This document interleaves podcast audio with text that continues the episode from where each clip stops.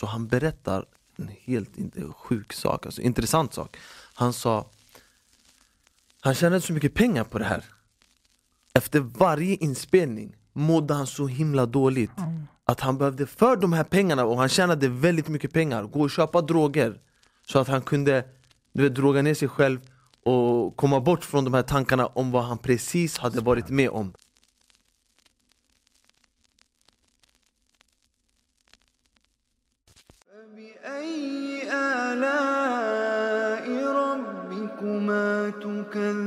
تكذبان Assalamu alaikum och rahmatullahi wa barakatuh. Välkomna till ännu ett avsnitt med Islampodden med mig Karim och mina bröder Musa och Sadiq. Wa alaikum salam wa Alaikum rahmatullahi salam wa wa barakatuh. rahmatullahi wa barakatuh.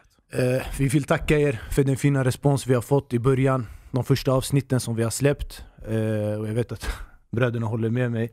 Absolut. Eh, vi har fått jättemycket fin respons, bra tips, eh, fina kommentarer och eh, tips på ämnen som vi ska prata om. Och ämnet som vi ska prata om idag är faktiskt ett ämne som vi fick tips om att prata Mm. om från flera håll. Och det är pornografi och dess faror. Och det är ett ämne som utan tvekan berör många, gamla som unga.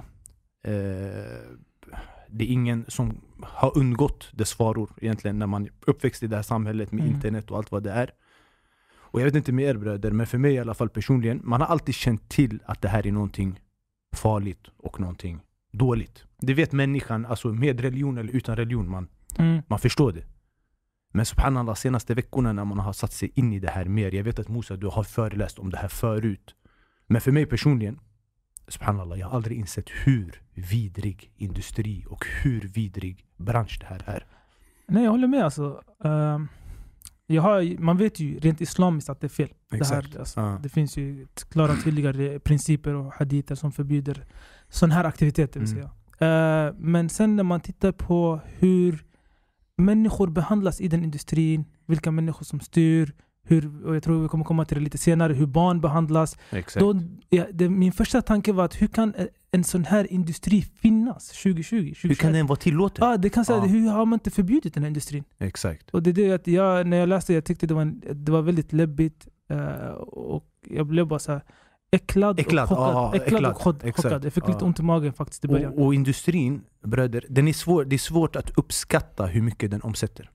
Okej, I och med att det är en så pass shady och skum Mm. industri som inte sitter och har öppen redovisning om allt. Men man säger, det man har uppskattat enligt vissa studier är ungefär 100 miljarder dollar. Inte kronor. Det vill säga ungefär 1000 miljarder kronor.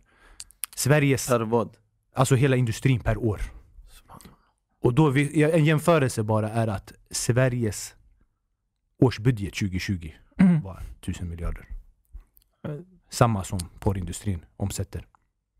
Och man säger, och det här är också alla de här siffrorna kan självklart någon komma och motsätta sig och säga att det finns någon annan studie som visar, för att det är inte svart på vitt. Mm. Men det finns ändå studier som påpekar det här att 35% av alla eh, nedladdningar och internettrafiken generellt Mm. är pornografi. En tredjedel, det vill säga, av internettrafiken är pornografi. Det släpps, eller det finns, jag tror det var 2014, fyra, det är 2014 den här siffran, 4 miljoner pornografiska hemsidor. Det släpps 13 000 filmer varje år som är pornografiska. Jämförelse att Hollywood tror jag släpper 700 filmer varje år. Subhanallah. Så vad ska man säga? Mm. Problemet är utbrett. Eh, Jag tror Sverige hamnade på 17 plats när det gäller pornografitittande på internet i hela världen. Så det är utan tvekan ett problem som är stort i Sverige. Och då är Sverige sett till befolkningsmängden på den här listan var ungefär på 100 platsen. Eller 99 platsen tror jag det var. Och 17 platsen i mängd. eh, På, alltså pornografisk trafik eller vad ska man säga på internet. Så med allt det här, det påverkar ju utan tvekan människan. Mm.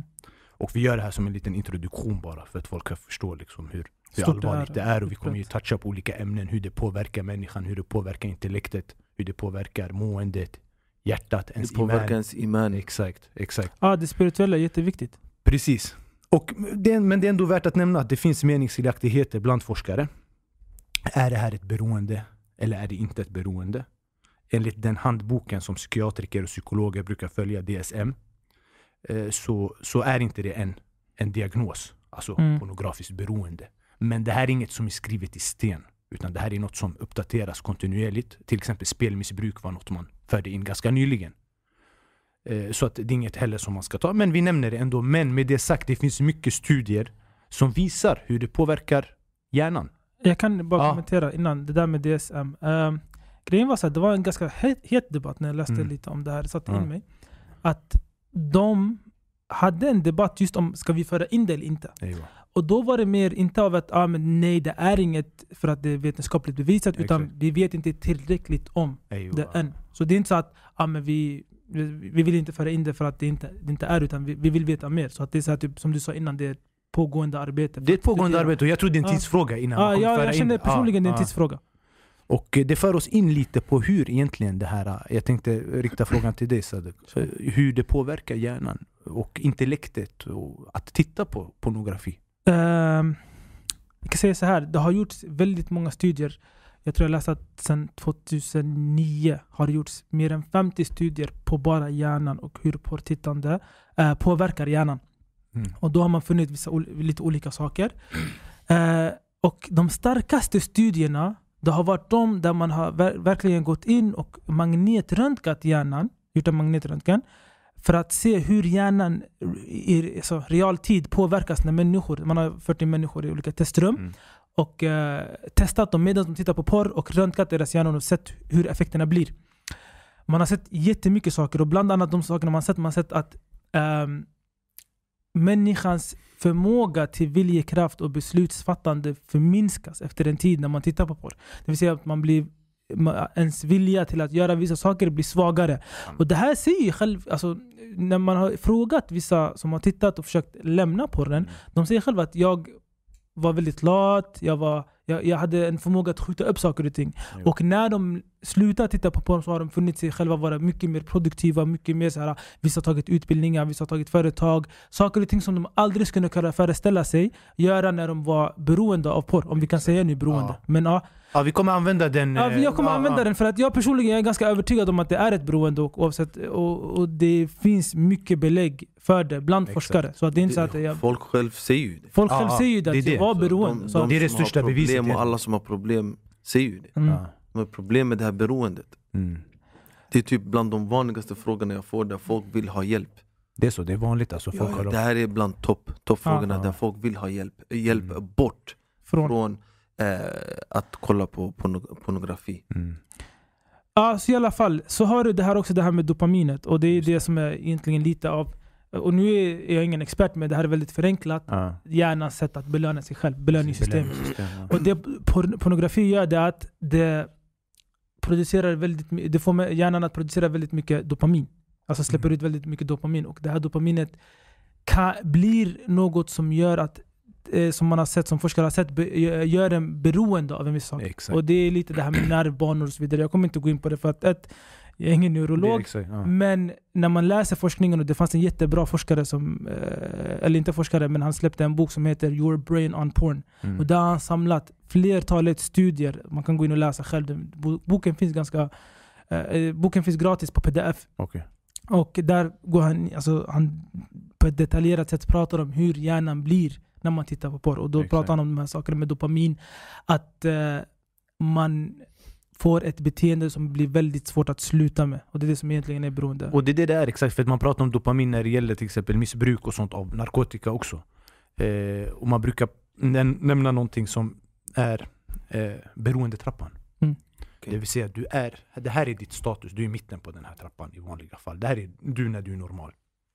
Du tar en drog första gången. Vad händer? Dopamin utsöndras, du blir glad, Mm. du hamnar här uppe. Okej? Du har din rush, du är här uppe. Vad händer? Avtändning. Nu när du går ner, du går inte till vi säger, nivå 5 där du var innan du tog droger första gången. Du hamnar lite under.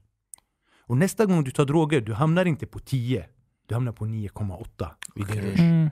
Och när du sjunker nästa gång, du sjunker lite lägre. Mm. Och du måste ta mer och starkare för att du vill ha den här effekten som du hade första gången. Mm. Men du kommer inte nå upp dit. Och till slut har du dippat och din normalstatus blir här nere på ett. Så du måste ta droger bara för att komma upp där du brukade vara i normala fall Subhanallah, förut. Till nivå 5. Till nivå 5.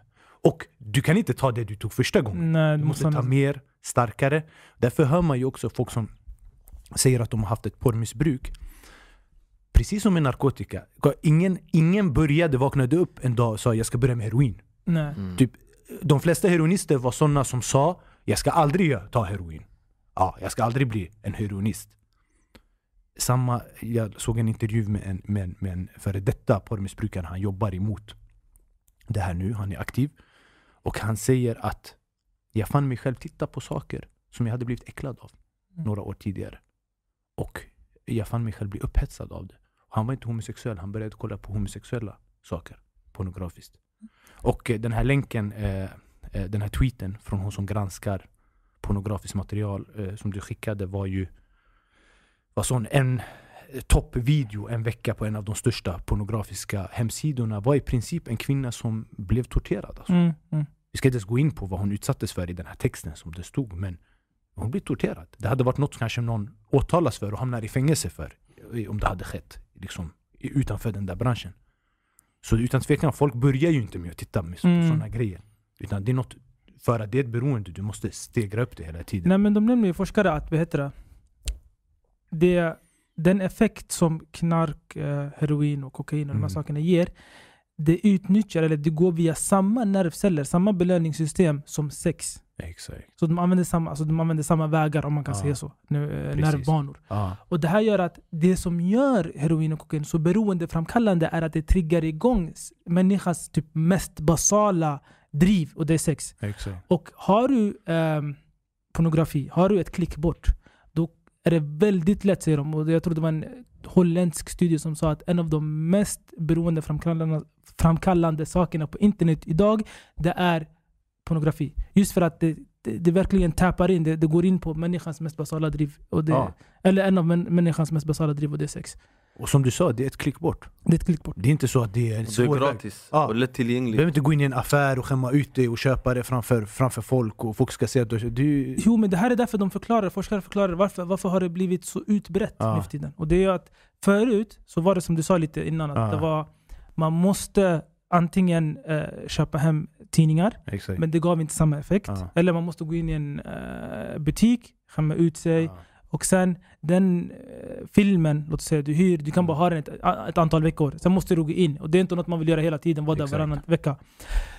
När internet kom, och eh, inte bara internet, utan den här snabba internet som vi har idag, som vi kan eh, utnyttja för olika saker. När den kom, då blev det mycket lättare. För att nu har du anonymt. Mm. Du har bara ett klick bort och ingen kan ta fast dig.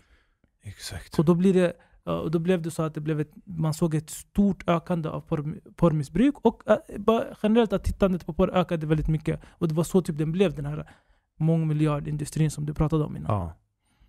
Och, subhanallah, och tänk då hur många yngre som exponeras för det idag jämfört mot förut. Exakt. Eh, och hur det påverkar barn. För jag läste en studie från USA att 90% av alla pojkar under 18 har tittat på pornografi och 60% av alla kvinnor under 18. Och Nej, jag kan men- tänka mig bara att det är samma siffror i Sverige ungefär. Eh, Jag läste ja, faktiskt, det var så här, typ medelåldern var 11 eller 12 och i Sverige, forskare har kommit fram till att i Sverige medelåldern är 12,3 första gången man börjar kolla på porr. subhanallah. Och det är ganska ungt. Det är därför alla föräldrar måste ta det här på fullaste allvar och prata med sina, med sina Ja. barn. För att idag är det väldigt lätt att barnen har mobiler, Mm. de har iPads, datorer. Mm. Att man tar upp det ämnet, även om det kanske är lite jobbigt att ta upp och prata om. Men det måste göras så att de varnas och kan skyddas. Och att det finns ju vissa program som man kan installera på sin mobil eller på deras mobil och på datorn och sånt som skyddar från sådana här hemsidor. Mm. Man får vidta åtgärder helt enkelt Exakt. och prata om ämnet och inte tänka äh, eh, han är bara 12, äh, hon är bara 14 år, hon skulle aldrig kolla. Eh, hon, nej, även om hon eller barn inte vill kolla så exponeras de till det överallt. Mm. Så de kanske går in på en hemsida de vill kolla på någon tecknad film och sen vid kanten så dyker det upp någon sån här reklam och så klickar de på den så kommer det nya grejer och så fastnar de i det här och sen kanske de inte vet hur de ska gå ut från det Mm. eller få hjälp ens. Och det är skämmigt att bara prata med sina föräldrar och bara, "Jag- har fastnat i det här. Och därför måste varenda förälder, eller kanske att man är stora syskon, eh, prata med de yngre i, i familjen. Så att eh, det blir en, alltså göra folk medvetna om det här problemet. Precis som de, man brukar varna ibland för, att, eh, för pedofiler till exempel. Så att barn lär sig Eh, gå inte hem till någon, var försiktig, ta inte emot saker från folk. På samma sätt mot pornografi. För det har verkligen förstört, förstört eh, en generation och förstört mycket, mycket, eh, många ungdomar och yngre. Som jag sa tidigare, bland toppfrågor jag får in där folk vill ha hjälp är just mot pornografi. De vill ha hjälp bort, hjälp ut. Och om, om det är så, jag tänker det här är vad som kommer till mig, det finns säkert de kontaktar andra också. Mm. Att jag hoppas att i framtiden, i alla fall i Sverige, att det kommer komma mer instanser som hjälper folk som har problem med det här, precis som folk som vill bli av med alkohol, äh, alkoholberoende, vill bli av med droger, att det här också ska finnas så att folk verkligen kan få hjälp eh, med det. De säger också att eh, just det här med barn, de har lättare att bli beroende. Just för att de, deras hjärnor är så pass unga och de här neuronerna är så aktiva. Så att en vuxen person, den tiden det tar för en vuxen, vuxen person att bli beroende av någonting, för barn är den tiden väldigt mindre. Mm. Och därför blir de mer, mycket mer påverkade. Och det, det, det är det som är farligt och det är tyvärr är synd. Alltså. Det är en industri som egentligen nästan må, gör barn till måltavlor. Exakt. De lär sig helt fel om sex, de lär sig helt eh, kaos. Tänk dig subhanallah. Det gjordes en studie eh, av en kvinna som heter Anna J. Hendricks, tror jag hon heter. Mm. Jag vet inte exakt namnet, men hon hade ett forskarteam. Ja. Och det de gjorde det var väldigt intressant. De tog de mainstream porr och studerade den, scen för scen, film för film. Kollade på varenda bit av filmen. Varför? De ville kolla hur mycket våld som utövas i de här filmerna. Jo. Hur mycket nedvärderande ord som sägs, hur mycket man, sl- man, man slår. Och de kom fram till att ungefär 88% av alla scener så fanns det våld i. Ett inslag av våld. Och 87% av gångerna var det kvinnor som han slog. Tänk dig en 13-åring, tänk dig en 12-åring och det är de här åldrarna de upptäcker sådana saker. Tänk dig en 12-åring som ser det här. Nummer ett, han kommer lära sig att det är så här det ska vara. Kommer få en helt skev bild. Det är hans första bild av... Exakt. Ja. Tjejer gillar det här. Ja, tjejer gillar det här, tjejer tycker om det här. Och tänk dig en tjej som också, de ska Mm. inte sticka under stolen, de tittar också på porr. Ja. Eller de, de exponeras kan jag säga. Tänk dig att de lär sig, okej det är det här jag ska tycka om. Och om jag inte tycker om det här, det är fel på mig. Exakt. Tänk dig vilken nivå av ångest de får. Tänk dig eh, depressionen de kan hamna i. Alla de här sakerna. Så de är nästan, som jag sa innan, jag förstår inte att en sån här industri kan få finnas bland oss. Bland våra barn. Och så lättillgängligt. Bara, det var en bok som eh, en kvinna skrev. Och det var, hon skrev den, jag minns inte vad hon hette nu, men hon skrev den för barn. Det ska tydligen vara en lättläst bok för barn så att man kan på ett enklare sätt tackla det här ämnet med barnen. För det kan vara svårt att få en Mm. ingång. Så hon skrev i förordet, jag, jag personligen har tagit bort frågan om om mina barn kommer titta på porr. Det här finns inte längre för mig. För mig är det bara frågan om när. Ja. Och det är så här som förälder man måste tänka. När kommer de titta? Och vad har jag gjort? Som eh, Sheikh Musa sa innan. Vad har man tagit för steg så att när de väl exponeras, de har verktyg, de har skydd så att de kan ehm, skydda sig mot den här industrin. Så att säga. Det för oss in egentligen på vad det gör med ens välmående. Och med ens iman. Det är ändå något som går hand i hand, välmående och iman. Att titta på sådana här saker, hur det påverkar hjärtat, det man ser. Alltså, det folk har klagat på och alla vet det här, alltså man behöver inte vara superreligiös eller ha Mm. mycket kunskap för att förstå de här grejerna att när man kollar på det, det för en längre bort ifrån Gud, från Mm. Allah Det för en längre bort ifrån religiösa aktiviteter Det för en längre bort ifrån att vilja göra dua och dhikr För att personen känner sig smutsig Känner sig, får ångest, får depression eh, Känner sig äcklig, ibland för äcklig för att ens ta upp händerna och be till Allah igen Mm. du vet, Folk känner så här. ska jag vara religiös och allting och be och mashallah yani, och sen jag kollar på såna här dåliga saker. Så shaitan jobbar ju på de här människorna. Och den här grejen, problemet är när vi tittar, ögonen. Det är ju port, porten, en port, eller portar till hjärtat. Så hjärtat blir ju infekterat. Eh, hjärtat eh, blir smutsigt av de här synderna. Och ju mer vi förstör vårt hjärta desto, Det här kommer då ge en effekt i hur vi gör med bönen. Om vi ens ber. Om man ber, tänker man på Allah i bönen Mm. kommer man ha khushu, alltså inlevelse. För det kan förstöra ens inlevelse. Man får, de här bilderna dyker upp mitt i bönen. Mm. Förstår du? Eh, och vi lär oss från hadisen, den autentiska hadisen där profeten sa att det finns ett organ i kroppen. Om det är friskt, då kommer hela kroppen vara frisk. Men om det är sjukt, då blir kroppen sjuk. Var hel qalb. Och det är vad? Det är hjärtat. Och därför är det så viktigt vad vi kollar på. Det är därför Allah också i Koranen har nämnt att vi ska vad? Vad sa Allah till oss män? Att sänka vår blick. Ja. Ja, och skydda våra privata delar. Att sänka blicken, varför är blicken så viktig? Det är ju blicken, när de tittar, de fastnar i det här Bilderna fastnar, de kan inte få bort bilderna De, de, de blir påverkade, som sen påverkar deras ibadat, deras dyrkan Ju mindre dyrkan, desto svagare tro, svagare iman Eller hur? De, ens iman går ju ner med synder Ja. och går upp med goda handlingar Och vad som händer är, bland effekterna är ju att blygheten försvinner Exakt. Och vad sa profeten sallallahu autentiska hadisen? När profeten sallallahu berättade om iman Bukhari Muslim, den hadisen att iman är ungefär 70 delar Exakt. Och det högsta av dem är la ilaha illallah Och det lägsta av dem att man tar bort något skadligt från vägen Mm. Och i slutet av hadisen och att blyghet, eller blygsamhet är en del av iman. Så tänk dig att en del av iman ska försvinna. Subhanallah. Och vad händer? När blyghet försvinner och man inte skäms längre för saker och ting Då kommer man börja göra vilka handlingar som helst till slut. Förstår du? För om man faller i träsket av, av, av, av pornografi Det stannar inte där. Man kanske börjar med att titta Och sen eh, blir man beroende och man blir fast för det här. Och sen vad? Man vill börja agera, man vill testa på Förstår du? Exakt. Eh, och vad händer då? Det som profeten sa i Sallallahu hadisen alaihi wasallam. att om du inte skäms إذا لم تستحي فاصنع ما شئت Om du inte skäms, gör, det, gör, vad, du- gör vad du vill Du kommer att göra vad som helst Exakt. Du har inga Ja. gränser längre Exakt. Subhanallah Så det här är någonting verkligen man ska tänka på hur den förstör ens iman Förstör ens väg till kunskap, riktig kunskap om Allah och om religionen För kunskap är ljus. Och det är därför det finns en jättefin, jättekänt och fint uttalande från Imam Shafi rahimallah När han klagade till sin lärare Al-Waqi om att eh, hans minne hade försämrats. Och Waqi gav honom rådet att man ska akta sig för synder. Mm. för kunskap är ljus. Och ljus ges inte, den här kunskapens ljus ges inte till en syndare.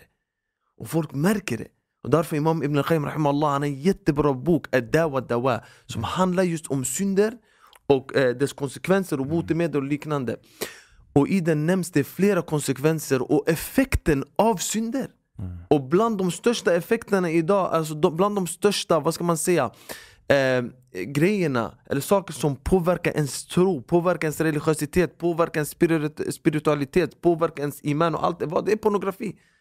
För den synden är så himla lätt att hamna i. Mm. Och man kan se det och varje dag och överallt och i ens egen ficka och ingen vet om. Och Subhanallah, och folk ibland vill inte ens ångra sig och göra tauba för de tänker jag kommer kolla på det igen. Varför ska, ska jag säga astaghfirullah till Allah och sen kolla på det igen?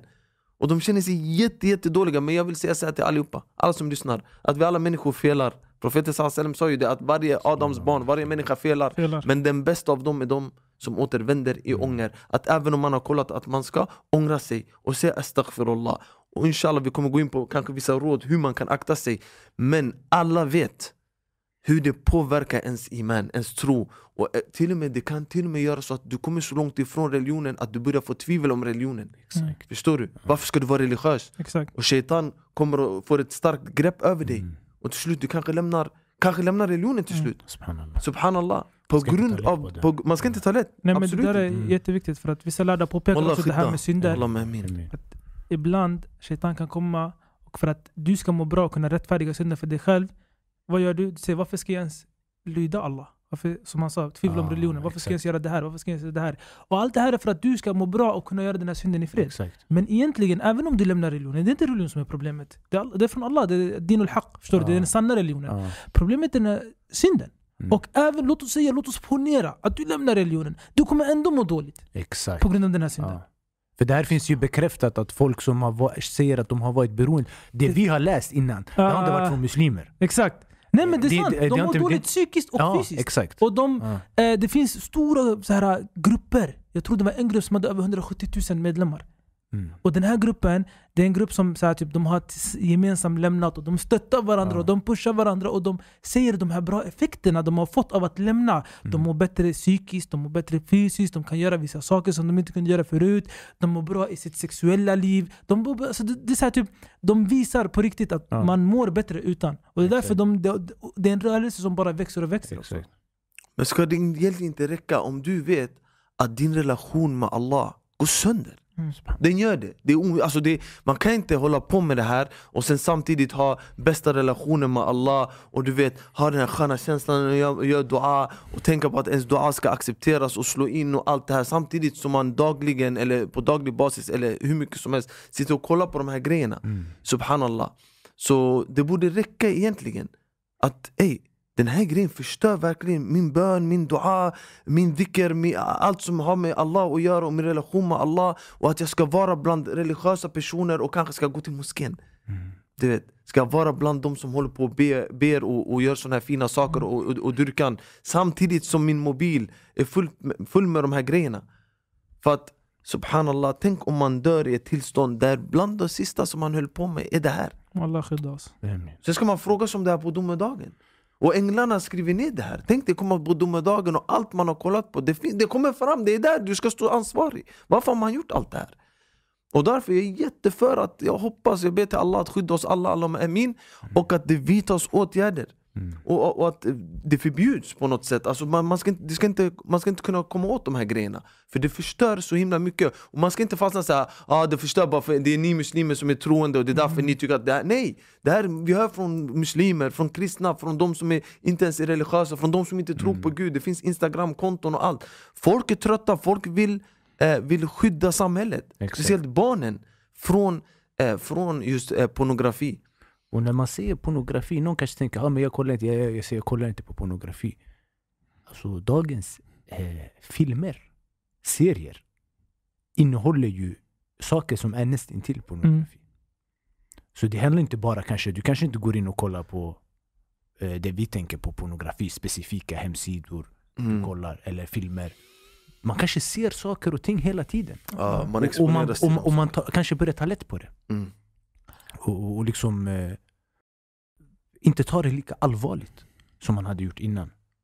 Och det kanske inte är att man börjar kolla på pornografi direkt. Det blir Ja, inkörsport. det kanske blir inkörsport som med andra Exakt. saker. Det är en inkörsport. Ja. Det är, det är en inkörsport. Bilder, Ja. bilder som finns på sociala medier, halvnakna Ja. bilder, halvnakna videos, serier Alltså, och liknande. Och sen därifrån, det är ett enkelt, ett enkelt klick iväg till någonting värre. Och ibland tänker man så här, en grej som jag har hört vissa tänka, bättre att jag kollar på pornografi än att jag gör en annan viss synd. Mm. Förstår du? Och så lurar man sig själv. Det där att lura sig själv. mm. För att pornografin är inte bara en synd och sen slutar det där. Den påverkar din, hela din religion. Du vet, det finns synder som kanske inte påverkar på det här sättet. Som just, eh, precis som alkohol. Det påverkar inte bara att du dricker alkohol sen är det slut. Nej, alkoholen kanske gör att du gör massa andra synder också. Och därför kallade, sa profeten wasallam att den är umul khaba'ith. Grunden till all ondska. Så eh, man ska absolut inte lura sig själv eller ta lätt på det här att typ såhär Ja, jag kollar på porr, i alla fall jag är inte kriminell, i alla fall jag gör inte det där, i alla fall jag gör inte massa andra grejer Nej, du ska inte göra det och du ska kämpa med att inte göra det här heller Inshallah, må Allah skydda Amin. Det här med att sänka blicken. Det var du inne på lite Musa. Mm. Ja. Och Det finns, alltså, varför ska man sänka blicken? Först, ett, äh, det, det viktigaste självklart är att Allah har befallt oss att tänka Ja. blicken. Eh, قل للمؤمنين يغضوا من أبصارهم ويحفظوا فروجهم. Att Mm. Allah har befallt oss att sänka våra blickar och att skydda våra köns, eh, privata delar, det vill säga Mm. könsorganen. Vissa lärda nämner dygderna med det här. Mm. Och de säger att nyckeln till att du ska kunna skydda din privata del är att du sänker blicken. mm. För det är blicken som är början. Det är blicken som är början till att du sen får en tanke, får en lust, får en vilja. Gör handlingen som de lärde nämna. De, de nämner de här stegen. Du gör handlingen, sen blir handlingen till en vana. Och sen har vi sett efter att vanan kan till och med bli till ett beroende. Och det är där du vill sluta upp med handlingen, men du kan inte. Nej. Eller det är väldigt svårt. Man kan absolut, men det är jättesvårt. Och Exakt. svårare än att sluta innan. Så det enklaste är att inte, inte ens titta från början. Mm. Sen nämner vissa lärde också en jä- jättefin grej och det är att när du sänker blicken från det Allah Azza wa förbjudit, då ger Allah dig något i gengäld. Alltså inte i gengäld eh, då ger Allah dig något som ersättning. Mm. Och det är ett ljus i ditt hjärta. Det är ett ljus i ditt hjärta. Och därför nämner vissa lärda att därför säger Allah Azza wa efter verserna om att sänka blicken Allahu nuru ard. Allah. I Surat. Subhanallah. I Surat An-Nur nämner Allah att Allah är himlarna och jordens ljus. Direkt efter det. direkt efter det här. Och vissa lärde säger och det här tyder på att Allah ger dig ett ljus som ersätter dig eftersom att du var lydig nog och sänka blicken när Allah befallde dig att göra det. Subhanallah. Vilken nytta. Det är ljus vi söker också. Exakt. Det är också i Surat Nur. Med Surat An-Nur också. Subhanallah. En annan grej eh, som jag tänkte på som också är ett ga- ganska hett ämne när man pratar om pornografi. Det är hur det... För okej, det finns både eh, manliga och kvinnliga, vad ska man kalla dem, skådespelare Mm. i, i pornografiska filmer. Men framför allt är det kvinnor som drabbas av det. Mm. Och vad gör det här med vår kvinnosyn? Eh, Musa, alltså en människa som tittar på de här eh, filmerna, vad gör det med hans kvinnosyn? Alltså jag tror inte det har undgått någon att det förstör kvinnosynen. Mm. Folk får en skev bild av eh, kvinnan, av tjejer. Och jag läste till och med en artikel om det, att tjejer har problem eh, med förhållanden med sina killar för att de måste ställa upp på massa saker som de här killarna sett eh, just när de har kollat på pornografi. Mm. Sjuka grejer alltså, Mm. helt sjuka saker. Så absolut, jag tror inte det, det är ingen som kan förneka det, att man får en helt konstig bild, en konstig syn på, skum, ett skumt perspektiv på ett förhållande, ett äktenskap. Exakt. Jag tror det har förstört också många äktenskap, eh, och många förhållanden och, och relationer och, och liknande. Mm. Eh, Just på grund av hur det är i de här videosarna. Och jag ville bara nämna en grej, för du sa eh, kvinnor som drabbas. Jag såg eh, en liten intervju Mm. med en eh, manlig skådespelare som idag har slutat. Mm. Så han berättar en helt inte sjuk sak, alltså intressant sak. Han sa han tjänade så mycket pengar på det här. Efter varje inspelning mådde han så himla dåligt Mm. att han behövde för de här pengarna, och han tjänade väldigt mycket pengar, gå och köpa droger så att han kunde du vet, droga ner sig själv och komma bort från de här tankarna om vad han precis hade varit med om. Och det var så där varenda gång. Så ibland en kille som tittar kanske tänker ah, för den här mannen det måste vara skönt och allting måste vara bra och hej och nej det är skådespeleri. Mm. Han lägger sin lön på droger för att glömma bort. Ja, för att komma bort Ja. från de här, den här ångesten och den här depressionen som han fick efter en inspelning. Och han höll på så i flera år fram och tillbaka. Så han ju, blev ju beroende av droger Ja, också då till. Och, slut. det- och det, det, det, det är ett ganska genomgående, det fanns en eh, statistik eh, från USA också. Mm. Mycket av de här kring pornografi är från USA, för det är ändå där de flesta filmer spelas in. Att medellivslängden för de som håller på med pornografi är 40 år. 41, 37 till 42 eller någonting sånt. I USA. Och medellivslängden generellt är 78 år. Så det är hälften. Jag, hörde till, jag läste att i USA så ska det faktiskt finnas eh, eh, instanser för folk som vill bli av med det beroendet. Mycket Mm. möjligt. Ja, mycket Men det, det är Ja, också förståeligt om problemet där har varit så Mycket större utbrett och på, Ja, ett- större, på en helt ja. annan nivå och de Precis. kanske har kommit längre i forskning Ja. och, och, och hur de tänker kring det, att det då har öppnat sådana här instanser. Jag hoppas i Sverige också att vi öppnar, Ja. om det inte redan finns någonstans. Inshallah så att eh, folk kan få hjälp, att de som vill Exakt. ha hjälp kan få hjälp och att kanske man kan få hjälp anonymt eller på Ja. något sätt. Alltså folk skriker efter hjälp. Och det är konstigt, eh, att Ja. så många som skriker efter hjälp och att man inte kan hjälpa dem. Och, och de som och jag kollade på en föreläsning också med en kvinna som hade varit i branschen länge. Hon föreläser idag om det. Hon har en organisation eh, som jobbar emot det. Eh, och nu var det, jag tror det var ganska länge sedan hon var själv aktiv. Men hon pratade om det, hur de som är där, de luras, många luras in. Man ska Mm. inte tro att folk hoppar in heller i den branschen så här, frivilligt.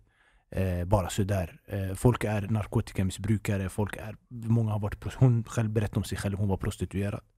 Hon blev tagen dit. Man tvingas göra grejer. Någon Man- utpressar dig, någon har filmat någonting på det och säger vi kommer skicka det här till den och den om du inte gör det här och det här och det här. Och sen är de fast. Och hon nämnde också det. Droger, hon ingen ska tro att folk inte är maxade på droger hela tiden. Som är i den där branschen. Och vilken smutsig, hon berättade mycket grejer, alltså vilken vidrig jag vet inte, man, man vill inte kalla det bransch eller industri för det låter som att det är något eh, lagligt. du vet. Så här som att man pratar om Men subhanallah, Grejen är så här också, det är så här, typ, subhanallah, den här skeva som Sheikh Musa var inne på nyss, den här skeva bilden man får mm, av det som är samlag och det som är... Och jag tänker samtidigt, vet så här, Allah Azza wa Jalla säger ju uh, att وَجَعَلَ بَيْنَكُمْ مَوَدَّةً وَرَحْمَةً Att Mm. Allah har satt kärlek och uh, Barmhärtighet. barmhärtighet bland makarna. mm, Och det här är något som ska genomsyra hela äktenskapet. Alltså det är inte bara i en del du ska vara snäll och barmhärtig, utan allting. mm. Hur kan man, alltså hur kan man hålla på då att tycka att det är okej? Alltså som muslim själv- självklart, men också så här typ rent mänskligt, rent humant.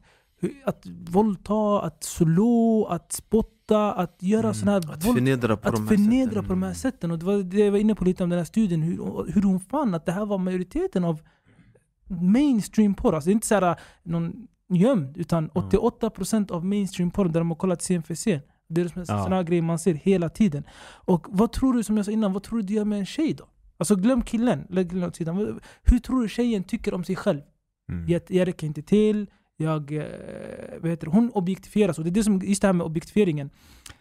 De här eh, magnetröntgenstudierna de eh, gjorde på männen, en av dem visade faktiskt att efter ett tag, när man har, när, när, när, man har blivit van med porrtittande, att man börjar se kvinnorna som objekt. Alltså rent, de har sett det här i hjärnan, att Ja, hjärnan behandlar kvinnan som ett objekt istället för en människa. subhanallah. Jag, lä- eh, ja, förlåt, jag läste också en, eh, en studie om det där. Man hämtade två grupper som fick kolla på två olika filmer. Varav den ena ansågs vara objektifierande, alltså inte pornografiska Mm. filmer, vanliga filmer. Där den ena ansågs vara objektifierande på något sätt och den andra var inte det. Och hur man bedömde det här, det var en oberoende tredje grupp panel, Mm. som sa den här är en objektifierande film och den här är inte det. Så de här två grupperna fick kolla på dem. Och eh, efteråt fick båda grupperna se ett nyhetsinslag om en våldtäkt. Och de som hade kollat på den mer objektifierande filmen tyckte att det var mindre allvarligt Mm. med den här våldtäkten. När man sen frågade dem, och man gjorde det på ett, på ett ganska liksom strukturerat sätt. Så det här är nu en objektifierande film. Inte en pornografisk film. Exakt. Och det påverkade dem. Vad ska man säga om den som tittar på pornografi då? Där 88% av filmerna innehåller våld och kränkande Exakt. grejer varje dag. Ska inte den personen börja objektifiera kvinnor? Och Exakt. ta lätt på saker som kanske, som de, i det här fallet, våldtäkt. Ett problem också att man säger, vet, okej men ehm, låt inte det här, alltså låt oss säga man säger till ungdomar, låt inte det här påverka er kvinnosyn.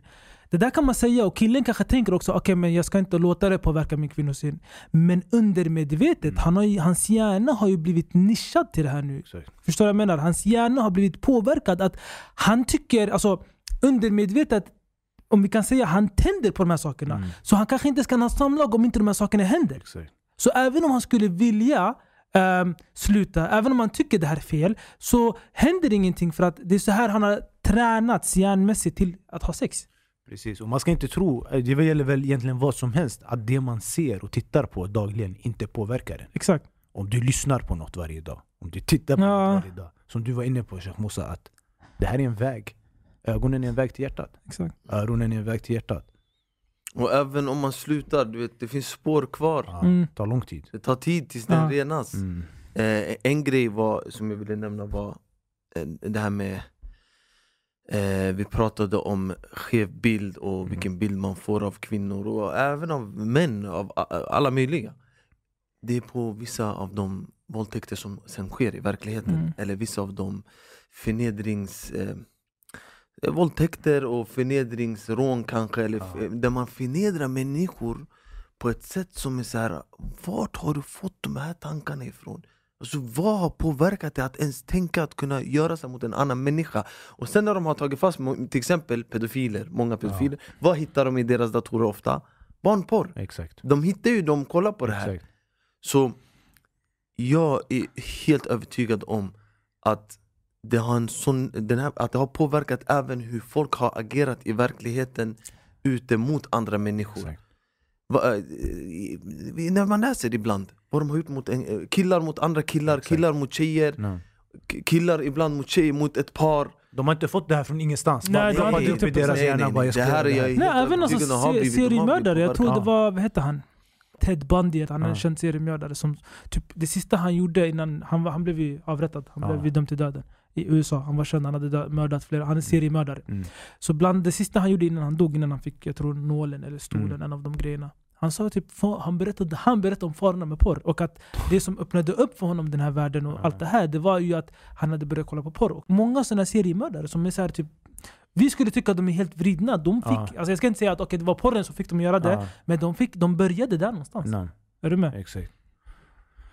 Subhanallah. Det kan Alltså jag tror ingen, ingen förnekar de här grejerna. Exakt. Alltså alla som har kollat och alla som tittar, de, de vet om det. De vet om hur, hur, att de påverkas negativt. Hur negativt vet de inte alltid. Mm. Mm. Det vet man inte alltid. Så, som någon som röker, eller någon som röker på, någon som dricker alkohol. Man vet inte alltid exakt hur negativt. Exakt. Men folk vet att det här är ingenting bra.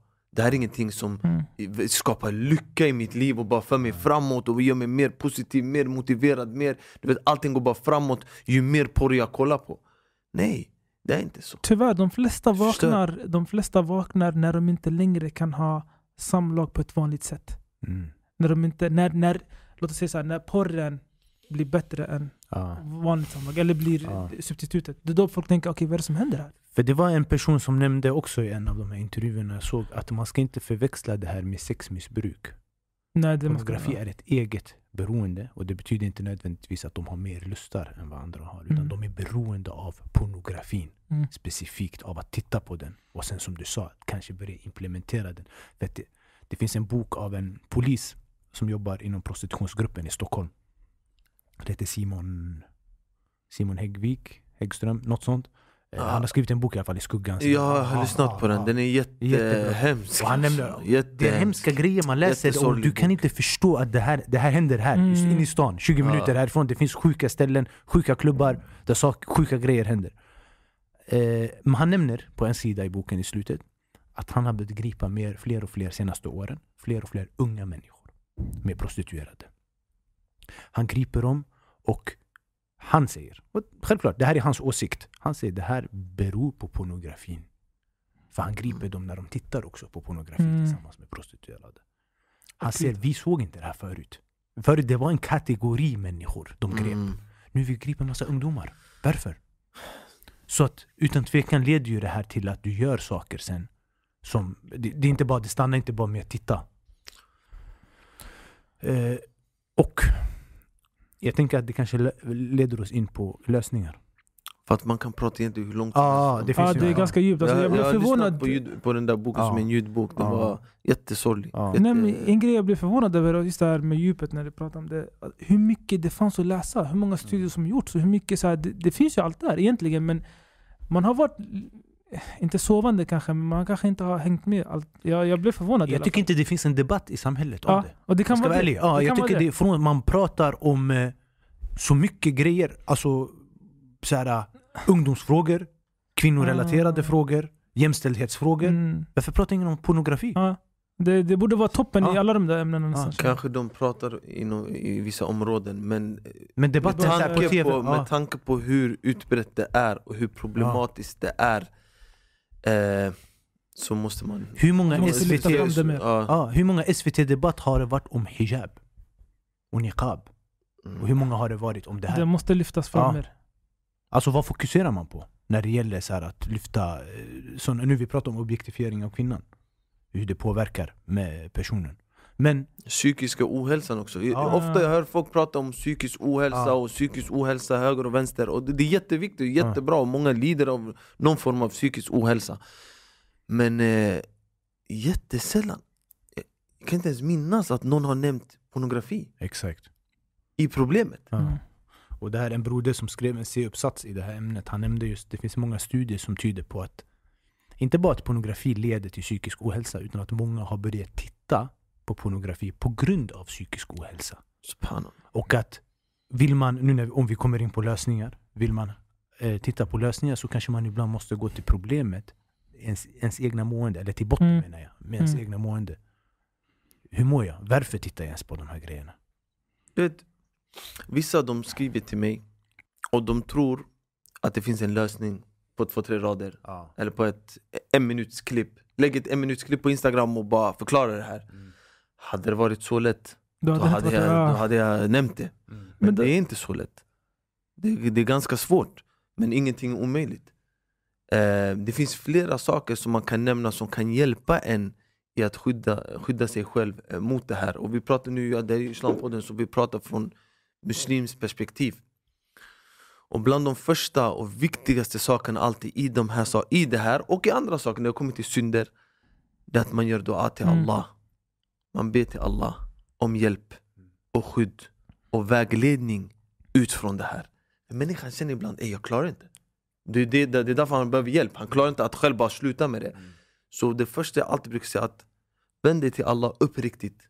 Var uppriktig i din dua, i din åkallan. Och be Allah om skydd och hjälp och vägledning utifrån det. Be Allah att rena ditt hjärta. Gör ruqya. Alltså det är ruqya när man läser Koranen, sen blåser i händerna till exempel. Så man läser Al-Fatiha exempelvis och sen blåser. Och att man stryker över kroppen. Att man då stryker och är noga med att stryka över könet också. Stryka över hela kroppen. Så att Allah eh, hjälper en via den här, via den här ruqyan. Som skydd. Just Det är det, det här, nummer ett, det är det första. just det här med dua, jag vill bara betona att ta, ta det verkligen på allvar. Alltså, känn inte att dua är så typ, en grej jag gjorde var dua, men det Mm. funkar inte. Nej, det, det där är det viktigaste du kan göra i den här situationen. Det viktigaste du kan göra är att vända dig till Allah. Herren över himlen och jorden. Och, så att, välj ut en tid. Välj ut, alltså, vakna kanske sista tredjedel av natten. Den tiden som, som, som det har nämnts i hadithen i Sahih Muslim. Att Allah stiger ner och säger Vem frågar mig? Så jag kan besvara honom. Ställ dig upp då, gör två raka'at och sen ta upp händerna och verkligen ödmjuka dig själv inför Allah och be Allah att vet, hjälpa dig i din stund. Tala med Allah. Och säg att "Oh, Allah hjälp mig. Ta bort det här från mig. Jag vill inte vara så här. Jag vill inte hamna i det här igen. Jag vill inte, jag vill inte. Och du vet, verkligen böna och be Allah Azza wa Jal om hjälp. Mm.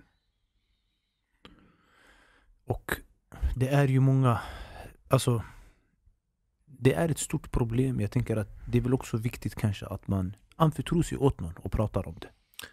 Grejen är först, vi Ja. tänkte att man gör dua verkligen. Någon kanske säger, ah, men eh, den här personen tror inte på Gud. Eller Ja. det finns ju många Ja. som kollar och inte har någon Ja. religion. Eh, det finns andra saker man måste vidta åtgärder. Exempelvis att man lokaliserar när och var man kollar på det här. Till Mm. exempel, jag vet att när jag är ensam, när jag har min data, när jag har min, min mobil, det är när jag är där, det är när jag är i det där rummet. Okej, justera om. Var, var inte i det där rummet. Mm. Ha inte datan på det här sättet. Mm. Ha den i vardagsrummet. Så att skydda dig själv från platser och tider eh, som förenklar för dig att hamna i det. Man måste vidta åtgärder. Vi säger inte bara till folk så här, gör dua och fortsätt Nej. livet. Nej, gör dua först. för- Be Allah om hjälp. Sen det andra är också att vidta de här åtgärderna. Som att exempelvis lokalisera problemet. Det- vart, var, varför kollar, när kollar jag på det här? För att ofta folk har sina tider, Ja, till exempel när man har mobilen, när man det. Okej, kolla då efter de här programmen som kanske eh, kan skydda dig från de här sakerna. Kolla inte på dem, om du vet att varje gång jag går in i den här appen, det behöver inte vara en pornografisk app, det kan vara något annat. Låt säga det kan vara TikTok, det kan vara Insta, vad det än är.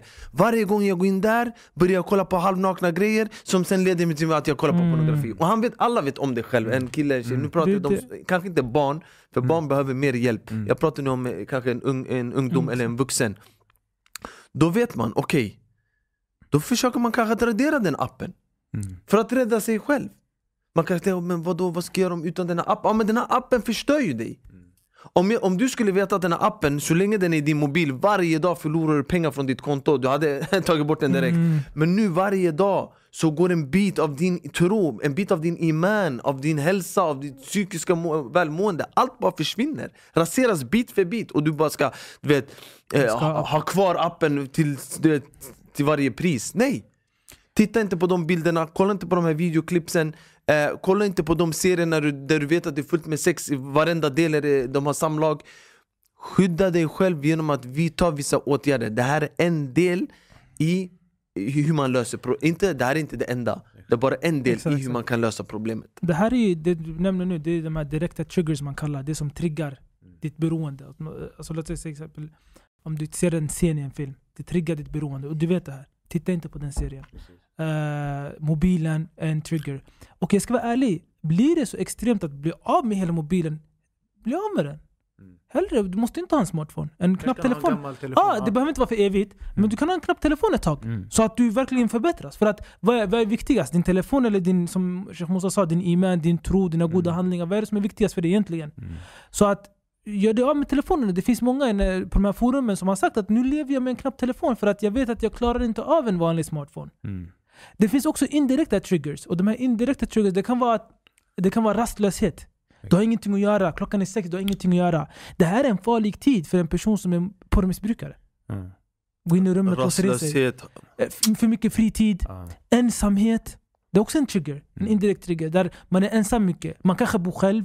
Se till att gå ut, röra dig bland folk, träffa vänner, gå och gymma. Trötta ut dig själv så att när du väl kommer hem, du slocknar när, du, när hu- huvudet slår i kudden så att säga. Mm. Så att, försöker ändra beteendemönster. exakt. Det var det, exakt. Bara upptagen. Ja. Alltså, Bara Är du upptagen. upptagen, skola, jobb, träning, du har din ibada, din dyrkan, du har din koranläsning, du har, du har dina saker som du ska göra under dagen.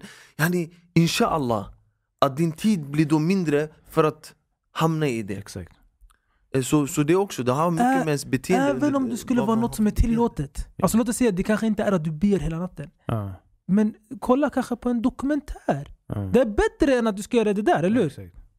Så att även om det skulle vara något som är tillåtet halal, Mm. det är bättre att du gör halal. Det finns ju halal, det finns haram, tillåtet och förbjudet. Sen finns det bra grejer som ger dig belöning. Mm. Du behöver kanske inte göra bra grejer, det är inte det vi säger. Att Mm. okej du är rastlös, gå och läs Koran två timmar. Det är inte Mm. det vi säger. Gör något annat i två timmar som är halal, så länge du håller dig borta från ditt missbruk. Exakt.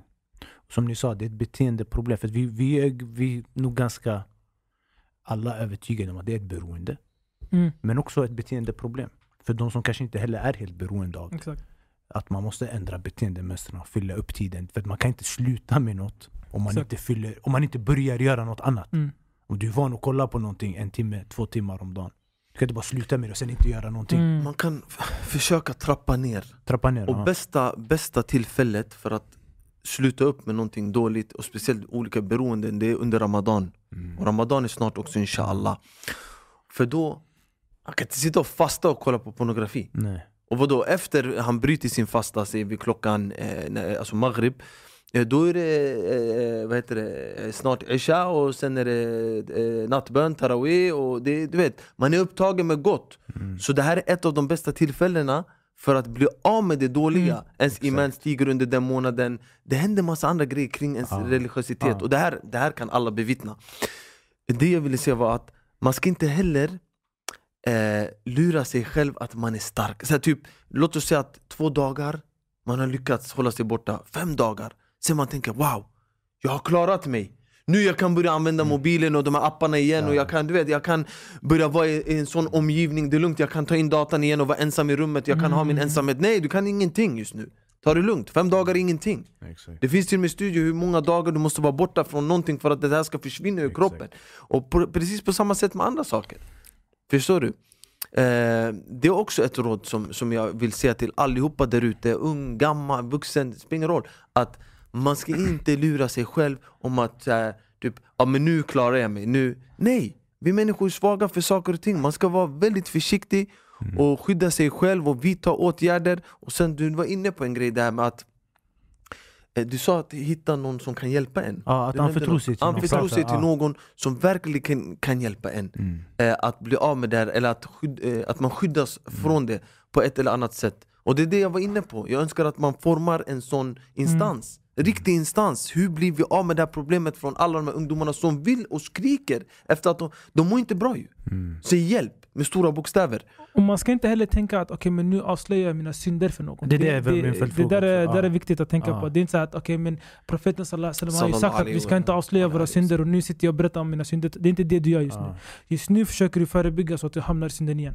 Och exakt. det är viktigt att Ja. tänka på. Så det är inte så Ja. att du avslöjar och du vet Den personen som profeten sallallahu varnade för är en person som är glad med synden och nöjd och fett såhär ah, jag gjorde det här igår, jag gjorde det här förrgår och så vidare. Det är inte det du gör här just nu. Utan du ger över telefonen till någon och säger lyssna jag har det här problemet, hjälp mig. Jag vill bli av med det här beroendet. Och det är inte det profeten sallallahu alaihi wasallam varnade för. Och det känns som att det är viktigt att kunna göra det, för det är också ett ämne kanske folk skäms. Exakt. Man, kan, Och man kanske man använder religionen när man som en inte kan ta. Exakt, och man vet kanske inte när... Man måste inse, som du sa, att man kanske inte kan tackla det själv. Mm. Man är inte så stark som man tror. Och man är inte oberoende. Du, nu vi lever i en tid där alla ska vara så jag är oberoende. Exakt. Nej, man behöver hjälp. Nej, subhanallah, först och främst av Allah. Och ni var inne på det, dua och allting. Och sen att man tar hjälp av dem man har runt omkring sig. Att man lyssnar också på föreläsningar och, och, och påminnelser som finns. Det finns väldigt mycket Mm. på Youtube, eh, till exempel finns en som är jättebra eh, En föreläsare som heter Wael Ibrahim. Han har väldigt mycket föreläsningar som just i det här ämnet. Mm. Vissa är kortare påminnelser, väldigt bra, jag har lyssnat igenom all, alltihop. Eh, Sen har han vissa längre, eh, som upp mot två timmar någonstans där Som också är jätte, jättebra för folk som vill sluta. Vi, vi vill, alltså, det här är ett poddavsnitt Men det är inte första och inshallah inte sista gången vi pratar om det här ämnet. Mm. Vi vill varna folk som tittar, folk som har tittat, folk som inte tittar men kanske hamnar i det För som du pratade om, Mm. det, det, det är en fråga om när, inte en fråga om om Exakt. Alltså det är så utspritt att knappt, man kan knappt undgå att se den här nakenheten Mm. Så hur gör vi? Det är det här vi måste prata om först, fenomenet och problemet och diskutera det och, och försöka tackla det. Och ju mer vi pratar om det desto mer folk kommer vara så okej det är bra, vi vill också vara med att prata mot det här och vi vill vara en del av att kanske skydda oss själva och samhället från det här. Du vet, Man måste engagera lite människor i den här grejen.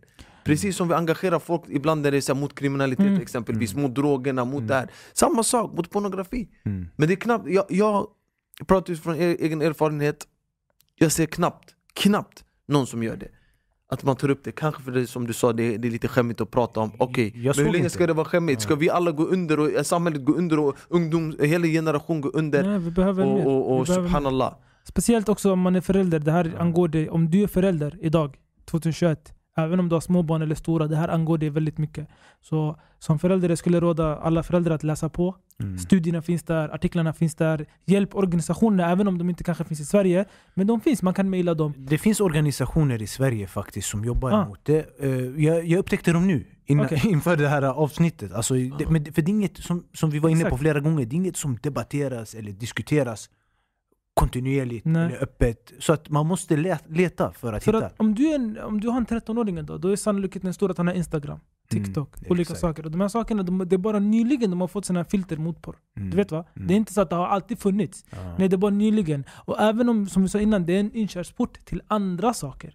Så att har en 13-åring idag en mobil, en smartphone som han har internetuppkoppling till, då är sannolikheten stor att den här ungdomen har sett porr. Mm. Det Det är, är så- inte någonting man ska tänka heller att ah, min 13-åring eller min 12-åring eller mitt barn kommer aldrig göra sådär. Andras barn kanske. Ja, Det där, vet du vad jag kallar det där? Det där är att man sticker huvudet i sanden. exakt. Nej det måste pratas om och jag hoppas att eh, man gör det eh, tidigt i skolorna Hoppas jag att men det här blir ett ämne man pratar om och kan du vet, varna för Mm. på ett eller annat sätt ja. Och förbjuda och stänga av och Ja. eh, Mm. begränsa och på alla möjliga sätt Och vi hoppas att det här, amin, amin. Vi Amin, hoppas att det här avsnittet har varit till nytta. Vårt syfte har inte varit att döma folk eller Exakt. att som, som tittar. Det, det är ett problem vi har sett och många har tipsat oss att prata om. Och inshallah att det leder till gott. Jag känner så här. Eh, om en person kanske känner, "Ah, men, eh, vad ska jag göra? Jag får Mm. återfall. Tappa inte hoppet. Mm. Eh, jag läste ganska nyligen en, en, en fin grej om al-muttaqun. Och ni vet al-muttaqun, det är de gudsfruktiga. Det är de, de som har nått de högsta nivåerna. Och det är de som Allah Azza har förberett paradiset för. Det finns en vers som säger, när de beskriver al-muttaqun, de säger alladhina idha fa'alu fahishatan. De som när de gör en stor synd, en fahisha, en skamlös handling. En lärd sa en gång en grej som är väldigt fint. Han sa att det här visar oss att även al-muttaqun, de gudsfruktiga, kan hamna i skamlösa handlingar. Ja. Så det är inte, kravet är inte att du ska vara felfri. Kravet är inte att du ska, aldrig ska göra fel. Även stora synder som muttaqi, du kan hamna i dem. Som Mm. en gudsfruktig människa. Men vad säger versen sen? الذين إذا فعلوا فاحشة أو ظلموا أنفسهم ذكروا الله فاستغفروا لذنوبهم Att om de gör en fahisha eller förtrycker sig själva på något sätt, de kommer ihåg Allah. Och det är det här vi vill att du ska göra. Som muslim, som troende. Att du alltid ska komma ihåg Allah. فاستغفروا لذنوبهم. Du ska be om förlåtelse för dina synder. Som de gjorde, de bad om förlåtelse för sina synder. Och sen vad säger Allah? وَمَنْ يَغْفِرُ الذُّنُوبَ إِلَّا اللَّهِ Vem annars förlåter synderna än Allah? Så att det kommer vara en lång väg, det kommer vara en jobbig väg, eh, det kommer vara en svår väg. Men det är fullt möjligt, folk har gjort det innan dig. Det är bara att kämpa och komma ihåg alltid och ha alltid i åtanke att Allah förlåter alla synder. Inshallah. Barakallahu fikum bröder för m- mycket fina råd. Och vi hoppas som sagt det har varit till Wafik. nytta. Amen. Och vi tackar er för att ni har lyssnat på det här avsnittet. Glöm inte subscriba, dela, likea avsnittet, sprid till era bekanta. Och salamu alaikum wa rahmatullahi Wa alaikum salam wa rahmatullahi wa barakatuh. وسارعوا إلى مغفرة من ربكم وجنة عرضها السماوات والأرض أعدت للمتقين الذين ينفقون في السراء والضراء والكاظمين الغيظ والكاظمين الغيظ والعافين عن الناس. والله يحب المحسنين. والذين إذا فعلوا فاحشة أو ظلموا أنفسهم ذكروا الله ذكروا الله فاستغفروا لذنوبهم. ومن يغفر الذنوب إلا الله ومن يغفر الذنوب إلا الله. ولم يصروا على ما فعلوا وهم يعلمون. أولئك جزاؤهم مغفرة من ربهم وجنات تجري من تحتها الأنهار خالدين فيها خالدين فيها ونعم أجر العاملين